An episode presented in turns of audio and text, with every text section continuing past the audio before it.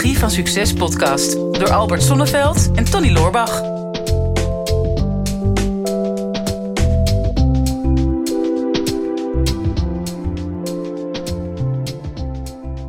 Albert, ik heb een beetje hulp nodig. Ja, daar kan ik je niet bij helpen.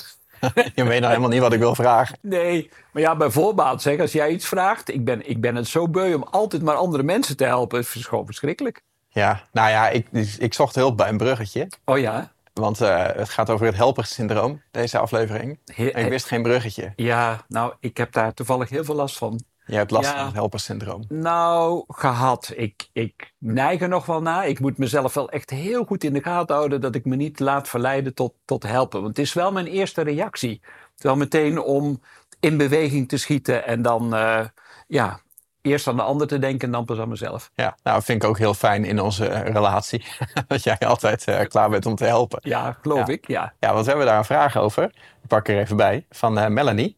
En uh, zij zegt, beste Albert en Tony, laat ik beginnen met te zeggen dat ik jullie podcast echt geweldig vind. Blijf zo doorgaan. Ja, top. Ja. nu komt mijn vraag.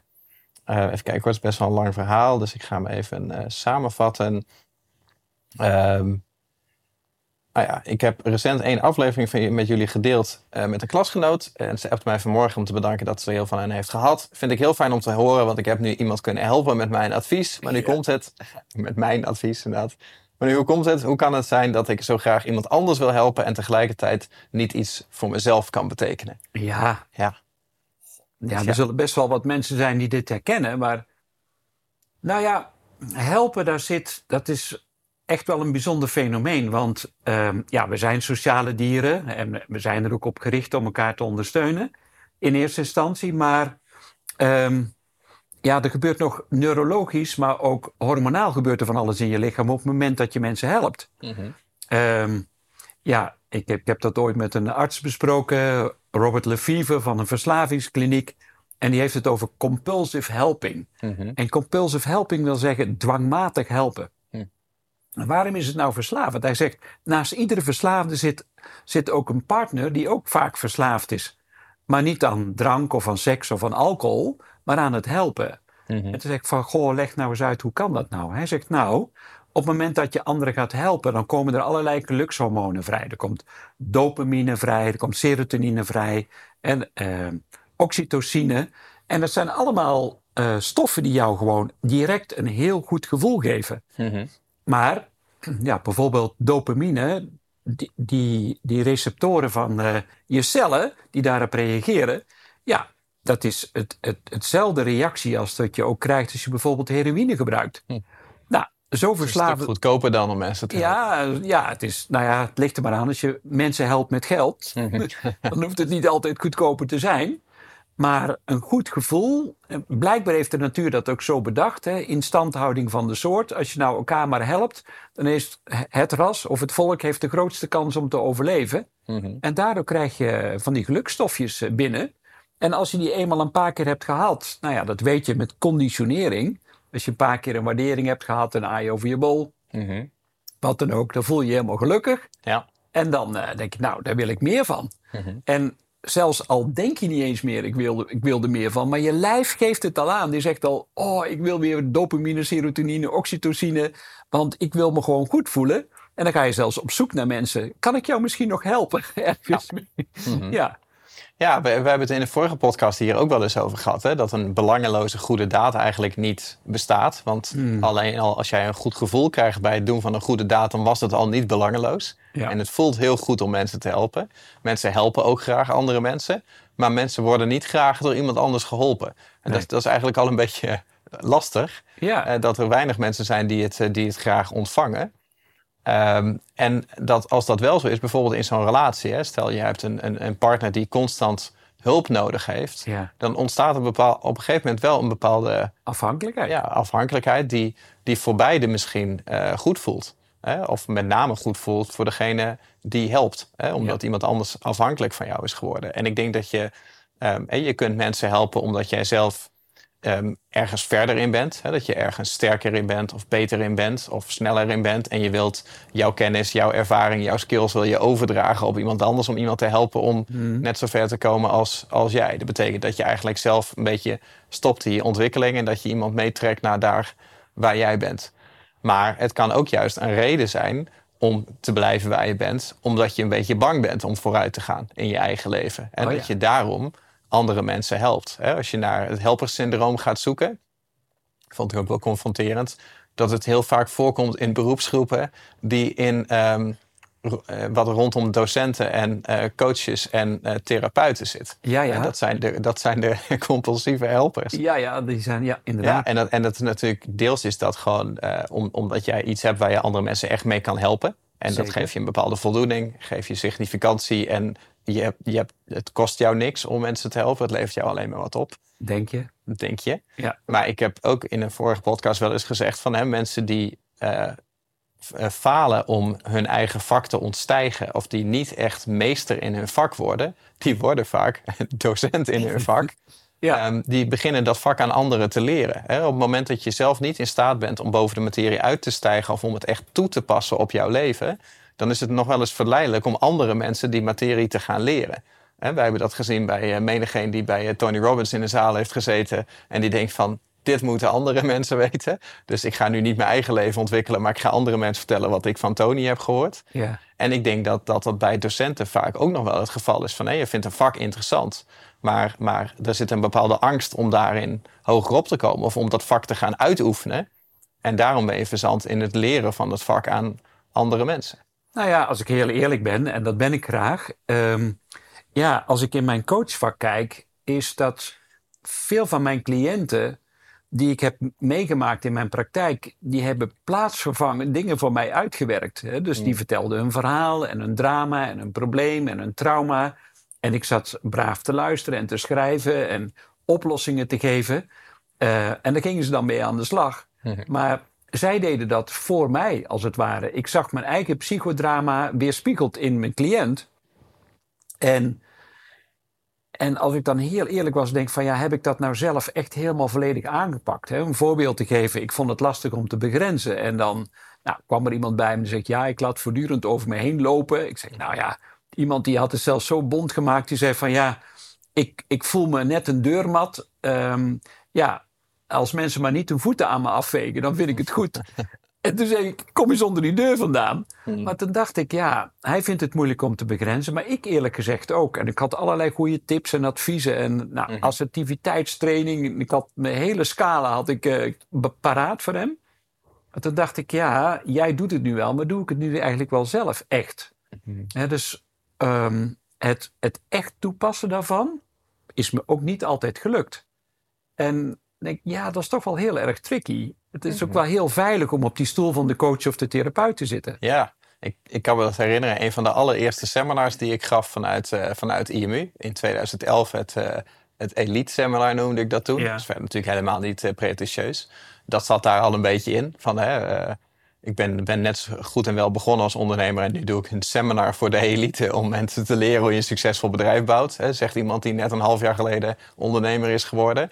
Daar, zat misschien al wel een les in. Hè, om gewoon dat wat je zelf nog niet succesvol hebt toegepast aan andere mensen te willen vertellen. Zodat je het idee hebt dat jij die materie eh, eigen gemaakt hebt. Maar daar Ja. hadden toen eh één spreker, eh, Floris Venneman. En dat was gewoon echt, ja, dat was echt een ervaring. Dat was echt een entertainment factor. Die had dan zeven, ehm, zeven eh, geheimen eh, naar een succesvol bedrijf of zoiets was het. Mhm. En op een gegeven moment kwam er dan geheim nummer drie, focus. Het is heel belangrijk dat je in je bedrijf een focus hebt. Dat je focust op één doelgroep en op één product. En dat je dat ene ding echt heel goed doet. Zelf doe ik dat niet. Ehm, Nee. maar eh, ik weet wel waarom het heel goed Ja, zou zijn. ja. En, en u moet dat ook doen, hè, begrijp ik goed. U moet dat doen. Maar eh, ik kan ook heel goed uitleggen waarom dat zo is. Maar zelf, Ja. zelf doe ik dat niet. En dat was, daar lag iedereen natuurlijk om in een deuk. En hij wist dat natuurlijk ook wel van zichzelf. Maar dat kwam zo, zo binnen ook wel bij de groep van... ja, het is zo makkelijk om als je een podcast ook van ons hoort... waarvan je denkt van nee, er zit waarde in... Ja. dat je dat doorgeeft aan iemand anders. Hè? Dat is helemaal niet ten nadele van de, van de vragensteller nu. Maar ehm, het is soms angstiger om dat op je eigen leven te gaan toepassen. Hè? Er Zeker. zit soms een, een faalangst op, eh, maar ook soms wel een angst voor succes. Ja. Of, een, of een bepaalde verliesaversie. Hè? Door, door iets anders te gaan doen in je leven, moet je ook misschien wel soms iets loslaten. Zoals bij de focus. Hè? Ik doe tien dingen en ik weet dat het beter is om maar één ding te doen. En als ik nou adviseur van mijn eigen bedrijf zou zijn, dan zou ik zeggen: je moet negen dingen niet meer doen. Maar omdat ik mijn eigen adviseur ben, heb ik een hele goede reden om dat niet te gaan doen. Dus Ja. dan ga ik andere mensen het adviseren. Dan laat ik in ieder geval aan mezelf zien dat ik het wel snap. Ja, absoluut. Ja. Nou ja, ik, ik heb wat eh, symptomen opgeschreven. En ik moet even eh, op mijn spiekbriefje kijken. Maar ik denk, ja, dat is misschien wel heel die leuk. tijd aan het woord en dan had je ondertussen niet op je spiekbriefje kunnen kijken. Nee, ik was zo gebiologeerd, eh Tony. Ik denk, ja, misschien kan ik hem nog ergens mee helpen. Maar goed, Nee. was niet nodig. Nee. Maar een van de, een van de symptomen is... he- heb je last van het helpersyndroom... is dat je ongevraagd advies geeft. Ah ja. Ja, nou, daar zijn natuurlijk ook hele volkstammen van. Die willen al helpen. Eh, Mijn, mijn credo is altijd: geef nooit meer antwoord dan dat je gevraagd wordt. Dat is denk ik een hele belangrijke.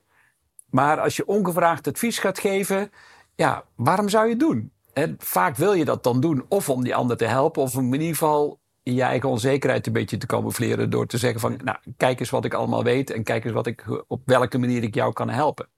Nou, dan heb je, voel jij je nutteloos als, een, als je een ander niet helpt. Dat kan natuurlijk ook. Hè? Je, je ziet iemand verzuipen. En eh, hè, bijvoorbeeld op het werk, een collega zie je struggelen. En jij kan dat bijna niet aanzien. Je denkt, oh, ik moet die ander helpen.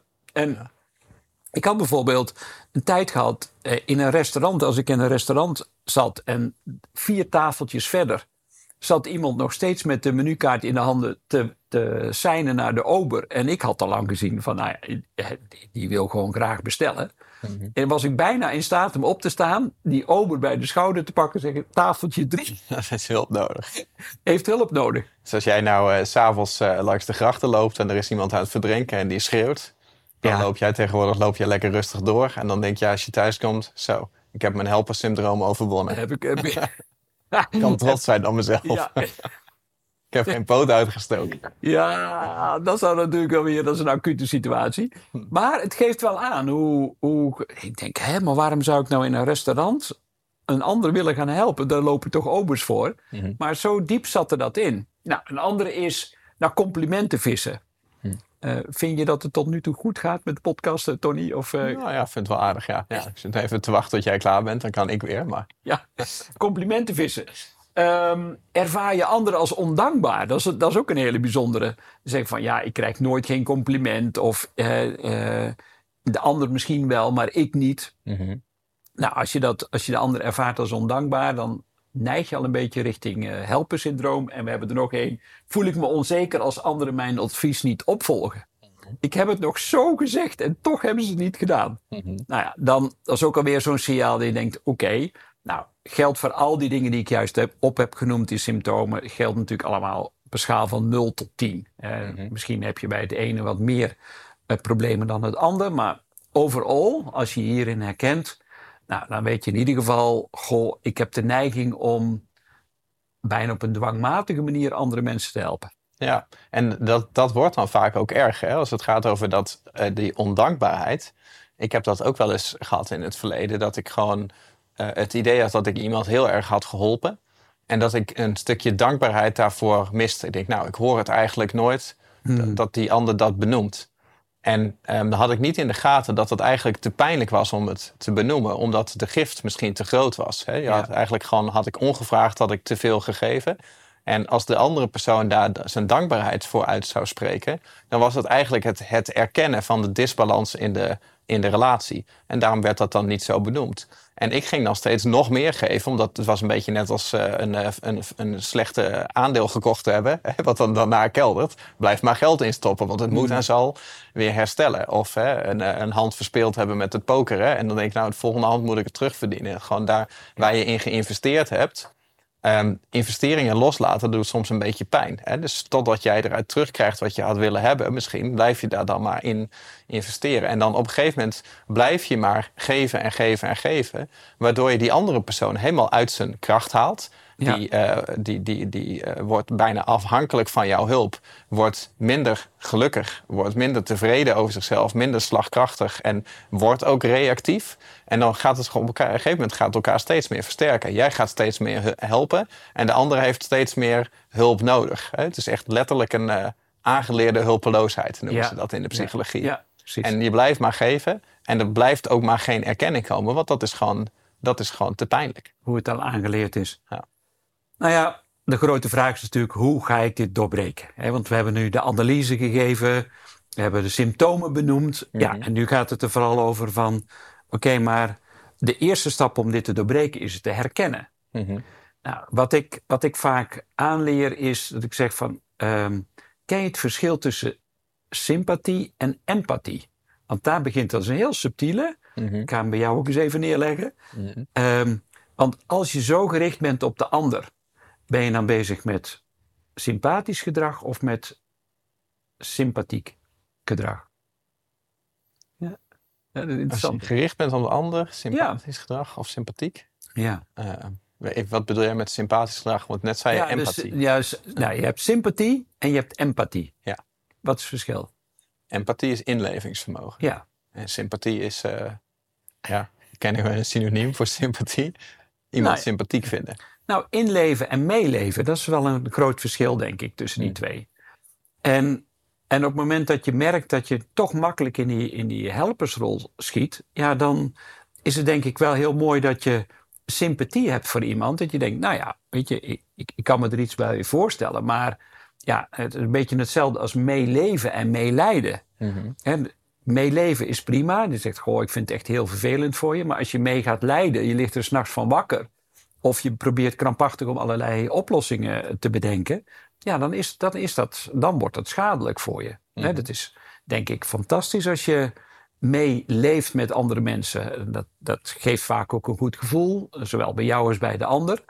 Mhm. Maar degene die een helpersyndroom heeft, die is vooral mee aan het meelijden. Mm nou, en dat vraagt niemand van jou. En je hebt het al gezegd, ja, je ontneemt de ander vaak ook de mogelijkheid om in zijn kracht te staan op het moment dat je gaat meeleiden. Mm want dan ga je dingen dragen voor de ander. En eigenlijk vind ik behoorlijk aanmatig het ook, want dan ga je ervan uit dat de ander niet de kracht heeft, of niet de creativiteit heeft, of de mogelijkheden of de middelen, eigen bronnen heeft om die aan te boren om uiteindelijk in eigen kracht te gaan staan. Mhm. En dan bega je eigenlijk een misdaad, vind ik zelf, mhm. want je ontneemt die andere mogelijkheid om te ontdekken dat hij die bronnen wel degelijk zelf heeft. Een mens kan veel meer dan dat hij in eerste instantie denkt. En als jij dat vroegtijdig gaat wegvangen door maar dwangmatig te gaan helpen, ontneem je die mogelijkheid. Ja, nou, ik denk dat als jij vroegtijdig dwangmatig gaat helpen, dan is dat meestal niet eens zozeer omdat er echt een probleem is bij de andere persoon, dat de ander geholpen moet worden, maar dat het gewoon een stuk van jouw identiteit is dat je jezelf de helper wil voelen. Ja. Dan komt het waarschijnlijk bij een onzekerheid uit jezelf. Ja. En ehm, ik heb dat in het verleden ook wel eens gehad hoor, in, in, in sociale relaties, maar ook wel gewoon, uh, gewoon op, op, op relatiegebied. om gewoon altijd te zoeken naar van ik zoek eigenlijk naar iemand die een beetje beschadigd is. Mhm. Want dan kan ik in de rol van, van de helper, degene die het allemaal fixt. En dat geeft mij een goed gevoel over mezelf. Maar daarnaast geeft het mij ook een zekerheid dat ik die ander niet kwijtraak want op het moment dat ik in staat ben om mijn sociale omgeving of letterlijk mijn liefdesleven te vullen met iemand of mensen, kunnen ook meerdere zijn, ja. die ehm, in zekere zin afhankelijk van mijn hulp zijn geworden, dan weet ik in ieder geval zeker dat, dat, ze, mij niet, dat ze mij niet verlaten. Ja, ah, dat is heel tricky. Hè? En mhm. ik, ik, in mijn eigen omgeving herken ik best wel wat mensen die daar inderdaad aan dat, aan dat profiel uh, voldoen. Dus ja, als je nou weet, oké, ben ik nou aan het meeleven of ben ik aan het meelijden? En je hebt dat herkend voor jezelf. Ja, dan, dan mag je een, een, een houding gaan aannemen die veel meer heeft te maken met een soort nieuwsgierigheid, met een bepaalde wakkerheid. Vooral veel vragen stellen om juist die ander te mobiliseren om in zijn of haar eigen kracht te komen. Mhm. Dus kom niet met ongevraagde adviezen, hè, dat hebben we al gezegd. Geef nooit meer antwoord dan dat je gevraagd wordt. Maar stel vragen van, goh, hoe zou je dat op een andere manier kunnen doen? Of wat zijn nog meer mogelijkheden? Of wie zou je daar daarnaast nog meer kunnen helpen met het probleem wat je op dit moment hebt? Wat zijn mogelijkheden wat je misschien nog niet bedacht hebt, maar wat wel mhm. binnen de mogelijkheden ligt?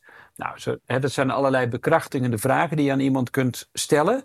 Met maar één doel om eigen kracht te mobiliseren. Mhm. En dan is het fijn om wel, en dat is nog een volgende, om wel iets van compassie te tonen. Dus dat je nou, liefdevol aanwezig bent. Je creëert een soort omgeving waarin de ander zich in ieder geval veilig voelt. En meer hoef je niet te doen. En heel juist wat jij zegt, ehm, doe ook altijd dan zelfonderzoek. Want als je die neiging hebt om die ander te veel te helpen, dan ga er maar vanuit dat er een belang is om dat te doen. Mhm. En dat belang heeft vaak iets hè, te maken met iets wat je zelf niet kunt, wilt of durft onder ogen te zien. Mhm. Ehm, en in hoeverre sta je in jouw eigen kracht? Mhm. Want dat is nog een andere. En het is natuurlijk heerlijk om je te vergelijken met, tussen aanhalingstekens, een zwakkere persoon. Maar maakt jou dat per definitie sterker? Ehm, en hoe zou jij je voelen als je je wat meer eh, gaat bezighouden met mensen die misschien wat verder ontwikkeld zijn, of in, in welke vorm dan ook? Op het gebied van persoonlijke ontwikkeling, of zakelijk, of eh, op het gebied van gezondheid. En ben jij in staat, en dat is natuurlijk ook nog een belangrijke vraag voor eh, het helpensyndroom, ben je in staat om zelf hulp te vragen? Mhm. Want je ziet vaak dat die mensen wel makkelijk hulp kunnen bieden, maar heel moeilijk hulp kunnen vragen. Mhm. En dat vaak ontzettend spannend vinden. En dat dan via een omweg, via, en dan, dan maar doen eh, met een slachtoffer. Mhm. Terwijl, ga het eerst zelf maar eens oefenen. Mhm. En kijken hoe het is om hulp te krijgen als hulpverlener. Ja, en als je het dan krijgt om het dan ook te ontvangen. Weet Ja. je, dat, dat is het meest eh, praktische voorbeeld, denk ik, is letterlijk de mensen die bij eh, Tony Robbins in de zaal zitten. Of, of als je een inspirerend boek leest. Of gewoon als je, als je iets leert wat je inspirerend vindt, dan is het gewoon verleidelijk om in plaats van het op jezelf toe te passen, om het door te geven aan iemand anders. Mhm. En en dat, dat betekent ook dat het jou gewoon iets brengt om het nog niet op jezelf toe te passen. Hè? Omdat daar gewoon een bepaalde, bepaalde onzekerheid zit. En ja, als je het zelf niet kan ontvangen, dan, dan ga je andere mensen ja, informeren. Hè? Of dan word je belerend.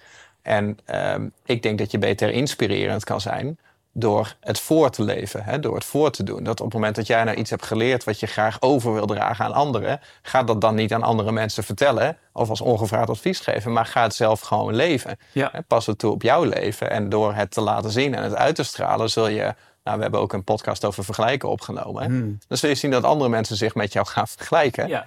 Omhoog gaan vergelijken. En dat je daarmee alsnog eigenlijk iemand kan helpen. Of beter gezegd, dat iemand anders zichzelf kan helpen door wat, wat jij uitstraalt. Ja, nou, ik denk dat dat het perfecte is.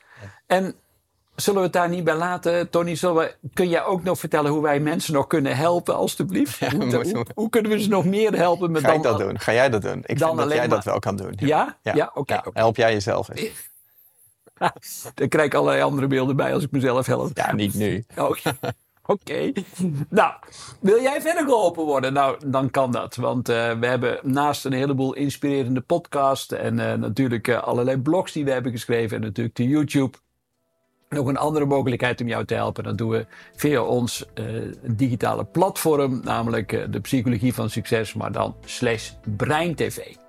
In BreinTV hebben we allerlei programma's staan op het gebied van persoonlijke ontwikkeling en groei. Waarbij we jou kunnen helpen de beste versie van jezelf te worden. En dat je echt in je eigen kracht staat. Kun je nog steeds hulp vragen, maar dan weet je ons te vinden.